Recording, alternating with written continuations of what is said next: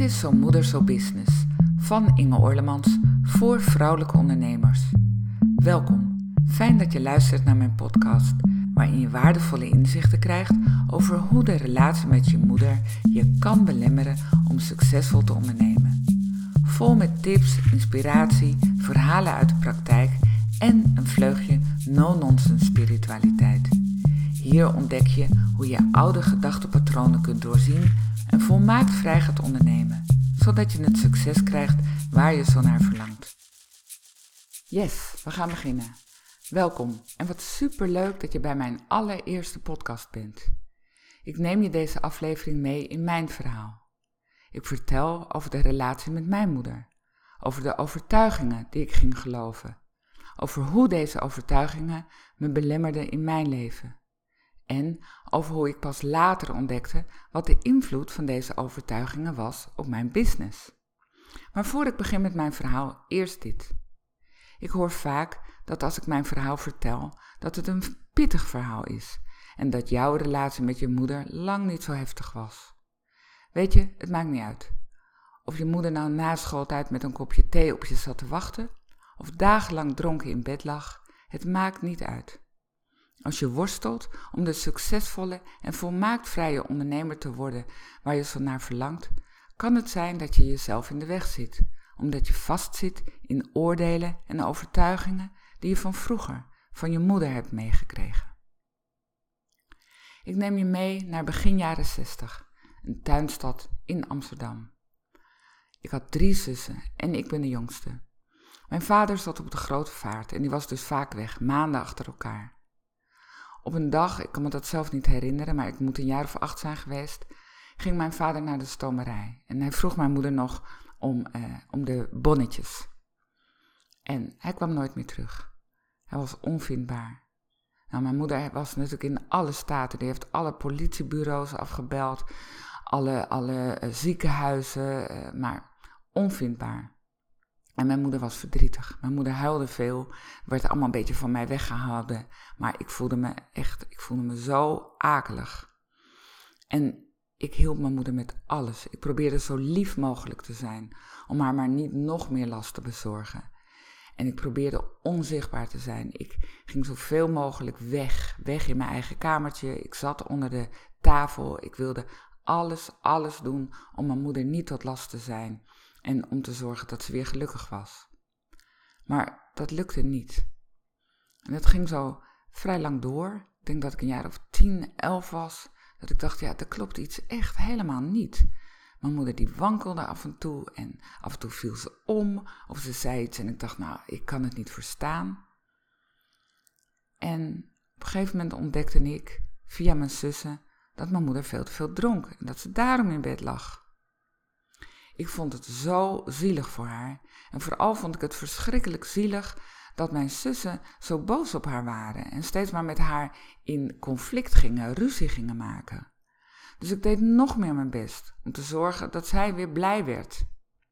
Maar ja, mijn moeder die begreep dat een beetje op een andere manier, want vaak werd ik erop uitgestuurd om de flessen bessenjenever voor haar te halen kennelijk mocht dat toen nog. Hè. Dan gingen we naar de lokale supermarkt en dan kon je gewoon als tienjarige, elfjarige drie flessen bessenjenever halen.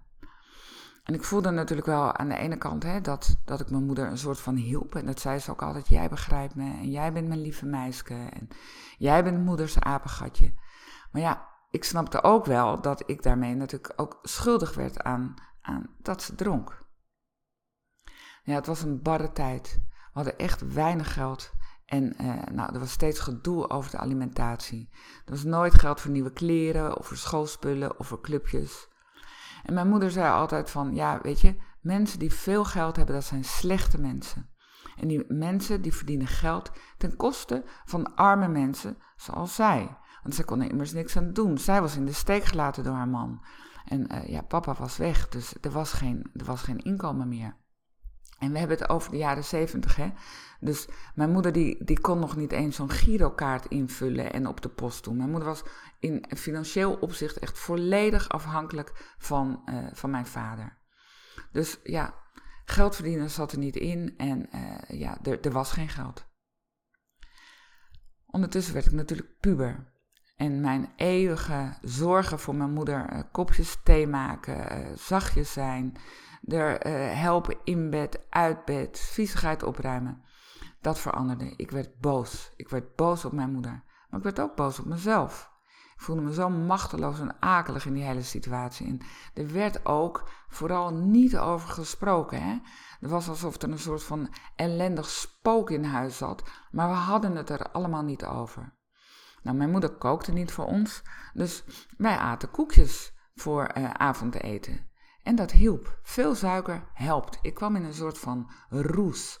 En uh, ik kan me ook echt van die periode van tussen een jaar of 13 tot, nou ja, zeg 17, echt heel weinig herinneren. Ik werd steeds dikker en ook wel echt steeds ongelukkiger. En ook mijn moeder was voornamelijk bezig met ongelukkig zijn. Ze had geen idee wat ik deed. Ik werd niet uh, gesteund voor uh, dingen op school, wat ik precies deed. Ik moest echt alles alleen doen. En ik weet nog dat ik op een gegeven moment moest kiezen, ateneem A of ateneem B. Nou, mijn zusjes konden niet zo goed leren. Dus leren was bij ons thuis niet zo'n ding, dat deed je gewoon niet. En mijn moeder had echt altijd zoiets van, nou, doe nou maar rustig aan en niet te ingewikkeld. En, dus ik had mijn moeder verteld, want ik voelde erbij natuurlijk al hangen dat ateneem A, dat was voor de jongetjes, dat ging over wiskunde en natuurkunde. En ateneem B, dat was voor de meisjes, de talen, een soort pretpakket. En uh, nou zei mijn moeder, doe jij dan maar ateneem B. En dat had ik toch mooi voor elkaar dat ik uh, precies ging doen wat ik wilde en waar ik ook goed in was. Dus ik leerde natuurlijk ook wel in die ellendige tijd zo mijn eigen weg te vinden. En nou ja, ik kreeg daardoor ook wel dingen voor elkaar. Toen ik 17 was en in de vijfde van het ateneum zat, ging ik op mezelf wonen. En ik verbrak het contact met mijn moeder. Hoe moeilijk ik het ook vond en hoe ik ook dacht dat mijn moeder het zonder mij niet zou redden, ik, het kon gewoon niet meer. Ik, ik holde mezelf helemaal uit. Ik was mezelf echt helemaal kwijt. En ik voelde me verschrikkelijk schuldig. In die tijd woonden mijn twee oudste zussen al op zichzelf. Mijn, mijn oudste zus woonde in Engeland. En die daaronder die, ja, was gaan samenwonen. En uh, mijn zus vlak boven mij, die woonde nog thuis. Maar ja, ik, ik, ik wilde weg. Ik moest weg. Ik moest mijn eigen pad gaan. En echt, ik weet niet hoe. Ik haalde mijn middelbare school. Ik slaagde voor mijn ateneem-examen. en daarop ging ik studeren. Ik wilde culturele antropologie studeren. En uh, ik wilde dat doen om de arme kindertjes in Afrika te redden. Nou, daar ben je na een jaar uh, culturele antropologie totaal overheen, want uh, daar gaat het natuurlijk absoluut niet over. Maar ik vond het een ongelooflijk leuke studie. Ik genoot van, van de verhalen, ik genoot van de andere culturen, van de andere manieren van, van uh, wonen, van zijn, van in gezinnen omgaan. Uh, ik, ik, vond het, ik vond het echt geweldig. Het leerde mij ook om als het ware op een soort van nieuwe manier naar mijn eigen cultuur te kijken. Op een keer, nou ik denk dat ik ja, mijn tweede of derde jaar zat, ik weet het niet precies, ik was begin twintig. Toen uh, was ik uitgenodigd voor een feestje, een studentenfeestje. Nou, je kent het wel, iedereen staat daar een beetje uh, te dansen en uh, te drinken en te zoenen en er gebeurt van alles en nog wat. Maar ik zat op de bank samen met een studiegenote, zo'n mooie bruide, bruine corduroy bank. En ik vertelde mijn verhaal. Ik vertelde het verhaal over mijn moeder en dat het daardoor kwam dat ik zo dik was. En dat het daardoor kwam dat ik ja, af en toe wat raar deed en, en niet zo goed gefocust kon zijn op mijn studie. En uh, ja, dat het allemaal voor mij echt allemaal heel lastig ging. En uh, mijn studiegenoten zat te knikken, want dat snapten ze natuurlijk allemaal. En wat een akelig verhaal. En, en op, op een gegeven moment, ik weet, ik weet niet wat er precies gebeurde. Toen realiseerde ik me dat ik voor de 573ste keer dit verhaal vertelde. En dat ik helemaal totaal samengevallen was van, met het verhaal. Dat het verhaal bijna mijn identiteit was geworden. Dat ik erin vast zat. En vooral ook dat ik vast zat aan mijn moeder, ook al zag ik er niet meer. Alles draaide daarom. En toen gebeurde er echt voor mij een, een zo'n wezenlijke ervaring. Ik zag dat ik dacht. Ik zag als het ware dat verhaal als een soort van film voor mij afspelen. Van links naar rechts. Echt letterlijk. Ik zag dat verhaal over mijn moeder en wat er gebeurd was, maar ik zag het. Dat betekende dus dat ik niet mijn verhaal ben. Dat betekent dat ik dus de waarnemer ben van dat verhaal. En dat voelde zo ruimtelijk. Voor het eerst ervaarde ik letterlijk de afstand tussen mij en de Inge die in dat verhaal zit. En dat was voor mij de eerste stap in het onderzoeken naar wie diegene was die zag dat ik dacht, naar die waarnemende positie. Ik was toen, vanaf toen geïnteresseerd in verschillende spirituele stromingen. Het was de tijd van de Bhagwan, het was de tijd van de Brahma Kumaris. Ik ging naar, uh, hoe heette dat ook weer, Oibibio in Amsterdam, zo'n spiritueel centrum. Ik was een beetje heen en weer aan het hoppen. Ik heb daar heel veel van geleerd. Vooral heb ik geleerd om te mediteren. Maar ik vond niet echt mijn pad. Ook zag ik natuurlijk stukken van die spiritualiteit ook in die studie culturele antropologie terugkomen. En dat was fijn. Ik, ik spaarde als het ware stukjes van die spiritualiteit, maar ik voelde ook al dat ik niet echt een goeroe-mens was. Dat ik niet zo'n achternaloper van grote um, ja, gemeenschappen was. Na mijn studie, die ik ook weer met goed gevolg aflegde, ging ik werken. En al heel snel klom ik hoger op. Ik ging leiding geven en ik werd, nou, ik was rond de 30, directeur van een detacheringsbureau. Ik ging goed verdienen. En ik werd moeder. Een bommoeder wel te verstaan, want een stabiele relatie, nou, dat zat nog niet zo in mijn comfortzone. Dus uh, ik was alleen met mijn zoon en wij woonden midden in Amsterdam. En ondertussen had ik weer wat contact met mijn moeder. En mijn moeder genoot ongelooflijk van haar kleinzoon. Ze was zo verschrikkelijk lief voor hem. Natuurlijk, mijn moeder dronk nog in die tijd en ook best veel. Maar als ze bij ons langskwam, dan was ze nuchter en dan was ze ongelooflijk lief. En ik kreeg compassie met haar. Ik zag haar inderdaad ineens door de ogen van mijn eigen moeder zijn. En ik dacht, jeetje, jaren zeventig, begin jaren zeventig ging mijn moeder scheiden. En dat gebeurde toen echt nog nauwelijks. Het was gewoon niet aan de orde. Ik moest kinderen in de klas uitleggen wat scheiden was. Ze was er helemaal niet op voorbereid. Mijn vader, die wegliep en die natuurlijk bij een veel jongere vriendin ging wonen. En zij zat daar met vier dochters in de leeftijd van 8 tot 16 jaar, in haar eentje. Ik dacht, nou, ik ben ook in mijn eentje, ik heb één kind, ik heb een goede baan. Ik ben, wat dat betreft, zelfstandig. Dus ik werd milder. Ik werd milder en minder oordelend naar mijn moeder. Toen mijn zoon 4,5 was, dus we hebben 4,5 jaar met z'n tweeën gewoond, gingen we bij zijn vader wonen. Die had al een dochter en eh, we werden samen een, een echt gezin. En dat vond ik fijn. Ik had een groot verlangen om een eigen gezin te vormen. Gewoon vader, moeder en twee kinderen. De dochter woonde om en om bij haar eigen moeder en uh, ook bij ons. En in die tijd was ik senior consultant bij Capgemini Ernst Jong. Een echt een goede baan, goede inkomen, mooie auto, uh, leuke opdrachten. Maar dat laatste was ook wel echt het enige wat er leuk aan was. Want ik voelde me totaal niet thuis in de wereld van Capgemini Ernst Jong. Het werk ging goed, maar ik viel zo uit de toon. De, de gesprekken over auto's, over leaseauto's, over de nieuwe, nieuwste auto. En uh, wat ik ook echt heel erg lastig vond, is dat je collega's een soort van concurrenten waren.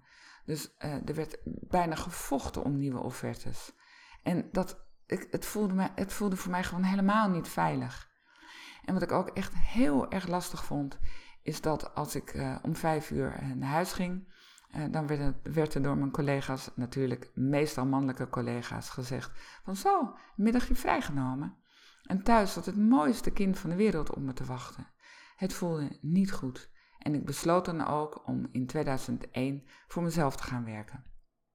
Ik had veel mooie opdrachten en ik zat meestal bij uh, gemeentelijke organisaties en daar deed ik management, interim management, crisismanagement. Ik vond dat op zich heel leuk om te doen. Maar ik had ook nog steeds wel een verlangen naar ja, dat, dat min of meer, ik noem het altijd maar een beetje no-nonsense spiritualiteit. Naar ja, wat doen wij hier nou precies? Hoe kan ik weer terugkomen in die plek van die waarnemer? Want dat had echt mijn grote verlangen. En ik voelde dat mijn werk fijn was, maar dat het niet mijn grote verlangen was. In 2004 overleed het zusje dat direct boven mij zat. En dat was een enorme klap voor mij. En dat verlangen naar verdieping werd toen ineens veel groter. Daar kon ik niet meer omheen. Mijn spirituele pad, en ik zeg het maar even tussen aanhalingstekentjes, dat werd steeds belangrijker. Ik ging een yogaopleiding doen, ik ging een meditatieopleiding doen en ik ging een grote opleiding in Amerika doen bij een leraar, Paul Muller Ortega, die helemaal alles wist van Indiase filosofie, van het Kashmir Shaivisme, van een non-duale filosofie. En ik vond het prachtig. Ik genoot daarvan. Ik bleef werken, maar het mediteren en het op zoek zijn van wat is die non-dualiteit. En daar ga ik later in uh, andere afleveringen nog wat over vertellen. Non-duaal. Er is geen buiten en binnen. Er is alleen een binnen. En ondertussen ging het met mijn moeder steeds slechter. We hadden af en aan contact, maar het ging echt steeds slechter met haar. Ze kreeg Korsakoff. Ze kon zich niet meer herinneren, uh, ja, nog wel wie ik was, maar ze was helemaal kwijt wat ik nou verder deed, of ik werkte, of ja, hoe mijn leven eruit zag. En vervolgens kreeg ze een CVA, een hersenbloeding. Ze werd opgenomen, ze was verlamd, ze kon niet meer praten. En dat was een, een, ja, ook weer toch wel echt een keerpunt in mijn leven. Want mijn moeder woonde niet meer thuis. Er werd als het ware voor haar gezorgd. En dat maakte dat ik ook wel wat meer ruimte kreeg. Want in die tijd, toen ze nog thuis woonde, had ik, voelde ik altijd wel die, die ja, die, die, die, dat aan me trekken dat ik voor haar moest zorgen. Natuurlijk had ik mijn eigen gezin, maar ja, ik bleef me ook wel schuldig voelen. En toch ook nog steeds wel het idee van, ja, ik, ik, ik moet er voor haar zijn. Mijn andere zussen, mijn twee oudste zussen, die hadden geen contact meer met mijn moeder. Dus ik was de enige waar ze nog mee omging. Alhoewel heel matig. Op een gegeven moment kwam een cursus in wonderen op mijn pad. En ook dat was voor mij weer een transformele uh, moment. Een moment waarin ik me echt realiseerde: dit is mijn pad. En wat, zo mooi, wat ik zo mooi vond van een cursus in wonderen, is dat het heel praktisch is en dat het, dat het vanuit de, de westerse traditie is beschreven. Want ik had heel veel in die Indiase traditie gedaan in mijn opleiding in Amerika. Maar het was nu zo fijn dat het zo herkenbaar was. En vanuit die herkenbaarheid kwam het heel dichtbij. Bijvoorbeeld wordt het woord God heel vaak gebruikt. Ik ben niet religieus opgevoed, dus uh, God had bij mij niet een hele negatieve uh, connotatie, wat bij veel mensen nog wel eens gebeurt. Maar ja, als je over Brahma spreekt en over uh, al die Indiase goden, dat bleef toch wel altijd een beetje veilig ver weg. En nu kwam het dichtbij. Het voelde echt als een deel van mezelf. En op een gegeven moment werd ik door iemand uh, vanuit mijn dorp, die wist dat ik uh, betrokken was bij uh, een cursus in wonderen, die zei van ja, er wordt een hele leuke lezing gegeven over vergeving. En dat is echt wat voor jou. Dus nou, ik ben daar altijd wel voor in. Dus ik ging, volgens mij was het in Baren, ik ging naar de lezing van Diederik Wolzak. En ik kwam daar aan en nou, allemaal mensen in een kringetje. En Diederik zat daar ook. En nou, we hadden allemaal het grote blauwe boek van een cursus in wonderen op ons schoot. En uh, Diederik begon eigenlijk helemaal niet zo met zo'n inleiding, maar die nam een les uit de cursus en die zei: lees de les maar voor. En dan moesten we de eerste paragraaf uit die les lezen. En er zaten iets van twintig mensen en we moesten allemaal alleen maar die eerste paragraaf lezen. En ik dacht, oh mijn god, ik ben een soort van gekkigheid beland die zijn weerga niet kent. Dus ik nou, ook maar voorlezen. Ik dacht, moet ik hier? En je struikelde echt over het woord God en Jezus. En nou, ik, ik vond het één grote gekkigheid. Dus halverwege had ik al een keer mijn vinger opgestoken en aan Diederik gevraagd van, goh, we hebben het toch wel over de God in jezelf. Hè? We hebben het toch niet over een mannetje op een wolk. Nee, zei Diederik, maak je geen zorgen. God, God is liefde. God is dat wat jij wezenlijk bent. Ik dacht, oké, daar ben ik naar op zoek. Maar ik bleef het wel grote gekkigheid vinden. Daarna vertelde Diederik allerlei dingen over vergeving, over zijn stappenplan, hoe je vanuit je oordeel terug kan stappen naar dat wezenlijk zelf. En ehm, hoe je ja, daarin het pad van vergeving kan volgen. En ik was diep geraakt. Ik was diep geraakt door de, door de zachtheid, door de mildheid, maar ook door de mooie energie waarin ik weer terecht kwam. Die mooie energie die ik herkende. Ik herkende uit verschillende momenten van mijn leven, maar die ik vooral ook weer terugkoppelde naar dat moment toen ik voor die zoveelste keer mijn verhaal vertelde tijdens dat studentenfeest. Die zachtheid, die mildheid, het, moment, het gevoel alsof de tijd stilstaat, dat je echt in het hier en nu bent. Aan het einde van die mooie lezing ging ik naar Diederik toe en ik zei tegen hem: Wat ik niet snap is, ik heb mijn moeder eigenlijk al vergeven. Ik begrijp wat ze heeft gedaan en ik snap het wel, het was heel zwaar voor haar.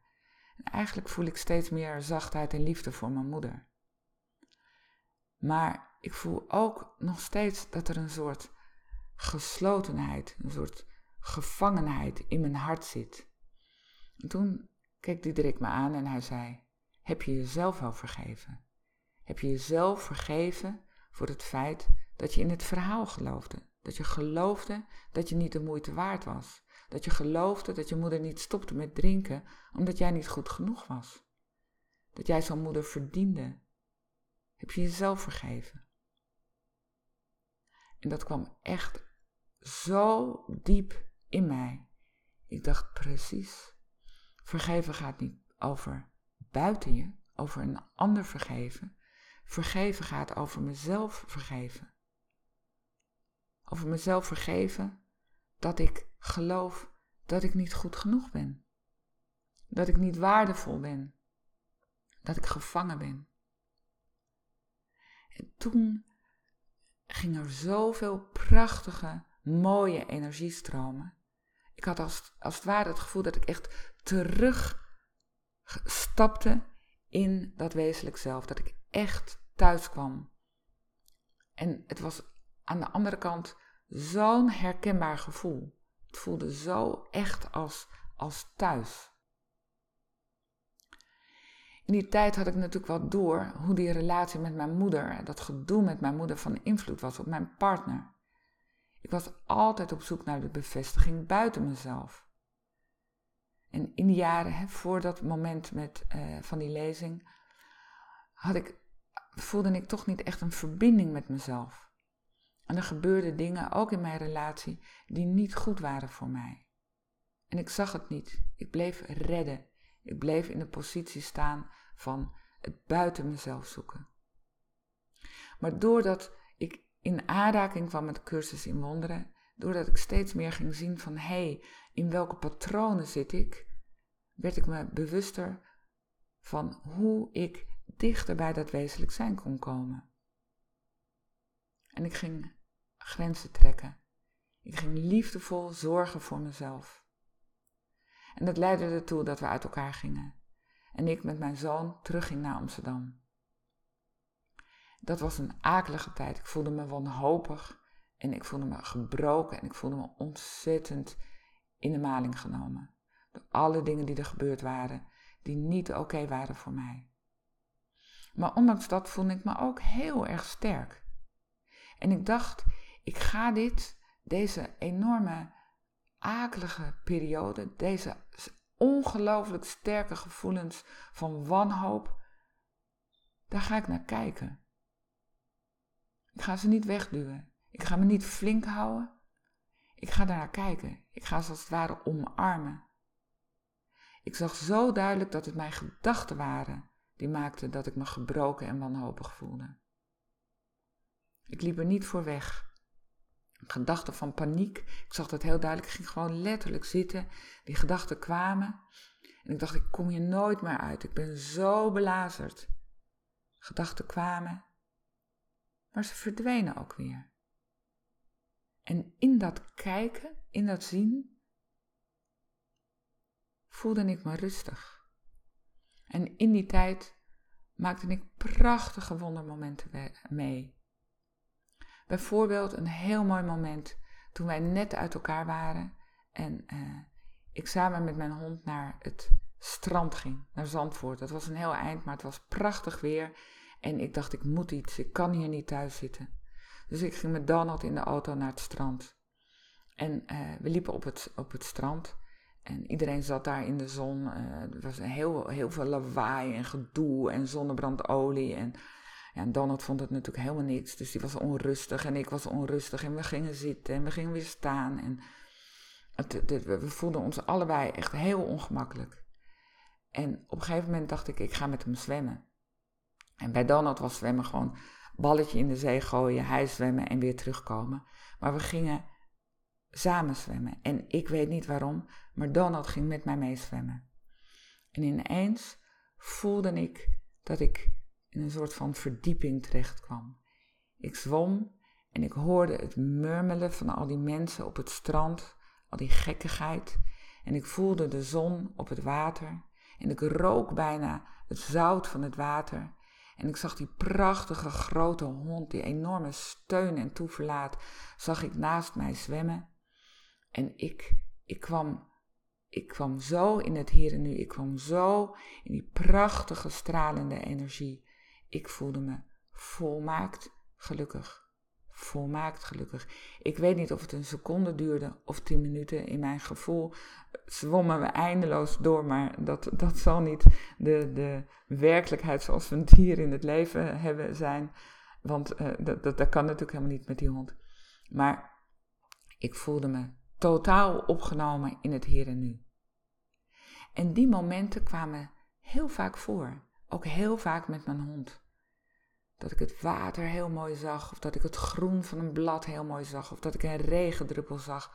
Aan de ene kant was ik gebroken en aan de andere kant was ik volmaakt gelukkig. En ik zag de ene kant het denken, het ego, en aan de andere kant mijn wezenlijk zelf, dat wat ik diep van binnen was. En dat werd mijn anker. Alles, alles ging ik terugbrengen naar dat wezenlijk zelf. En ik kwam daardoor in hele korte tijd in veel rustiger vaarwater. En dat had een enorme invloed op de relatie met mijn moeder. Dat veranderde enorm. Want als ik binnenkwam in het verzorgingstehuis, mijn moeder stond daar uh, bekend als een ongelooflijk lieve vrouw. Nou, niet voor mij. Zodra ik binnenkwam, begon mijn moeder te schreeuwen. Dacht ik natuurlijk altijd van, oh god, ik ben weer te lang niet geweest. En daarna ging ze huilen, enorm huilen. En voor die periode dacht ik altijd, oh mama, alsjeblieft hou op met dat geschreeuw. Alsjeblieft, ik kan het niet aan. En wees rustig, wees, wees alsjeblieft rustig, stop. Maar nu, nu ik zelf zo had geleerd hoe ik in die totale gekkigheid van wat er allemaal gebeurde me rust kon vinden, ging ik naast mijn moeder zitten. Hield ik de hand vast en dacht ik, ja, schreeuw maar. En daarna, ja, huil maar. En ik was alleen maar bij haar en ik, ik stapte terug in die zachtheid, in die liefde.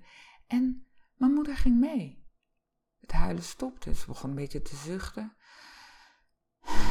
En dan zaten we zo hand in hand en dan hadden we het fijn, zaten we lekker in het zonnetje of we zaten een beetje hand te strelen. Dan keek ze zo lief, was ze zo rustig. En dit was wat ik wilde. Dit was wat ik altijd, waar ik altijd naar op zoek wilde gaan. Dat wat er ook gebeurde, welke upset, welke spanning er ook was, ik ervoor wilde kiezen om me te verbinden met het wezenlijk zijn. Daar waar het altijd volmaakt vrij is, vredevol. En wat ik zelf zo ervaarde door wat ik geleerd had in al die ja, opleidingen over mediteren, over spiritualiteit, mijn levenservaring, wat ik mee heb gemaakt met mijn moeder, met mijn partner, met de kinderen. Dat wilde ik gaan uitdragen. En ik besloot mijn verdien, echt goed verdienende bestaan op te geven. best spannend. Ik woonde alleen met Floris. Maar ik dacht, ja weet je, dit is wat ik echt wil. En ik begon mijn online business in mediteren. Ik dacht dat mediteren heeft mij zoveel uh, gebracht. Ik wil dat overbrengen aan andere mensen. En dat was een heel gedoe. Een online business was iets heel anders dan ZZP'er zijn als uh, manager, als consultant, als coach. En uh, ik werkte me helemaal kapot. Ik moest helemaal leren wat online ondernemen betekende. Omgaan met de website, uh, sales pages, funnels. Nou, ik volgde alle webinars over marketing die er maar waren. Social media kwam natuurlijk op. Ik vond het allemaal heel ingewikkeld. Um, en ik had wel al heel snel een enorme schare aan fans. Echt heel veel mensen kwamen op mijn pad die mij geweldig vonden. Maar ik verdiende nauwelijks iets. Ik had wel een buffer, maar die ging hard achteruit. Ik verdiende weinig terwijl ik keihard werkte. En ik stak eindeloos veel energie in anderen. En ik had ook een gevoel, ja, ik moet dit gewoon kunnen. Ik kan alles alleen, dus ik moet dit ook alleen kunnen. En toen ineens, toen ik echt dacht van, ik, ik ben half overspannen aan het worden. Ik werk zo verschrikkelijk hard. En hop, dan heb ik weer een tientje, hop, weer 20 euro, hop, weer. Goh, nou, dit keer heb ik 200 euro verdiend. Ineens realiseerde ik me dat al die belemmerende overtuigingen, dat ik daarnaar had gekeken in mijn leven, in mijn relaties, maar niet in mijn business. Ik had niet de connectie gelegd tussen die belemmerende overtuigingen van vroeger en mijn business, terwijl het zo voor de hand lag. Bijvoorbeeld het willen redden van anderen ten koste van mezelf. Het was er één op één.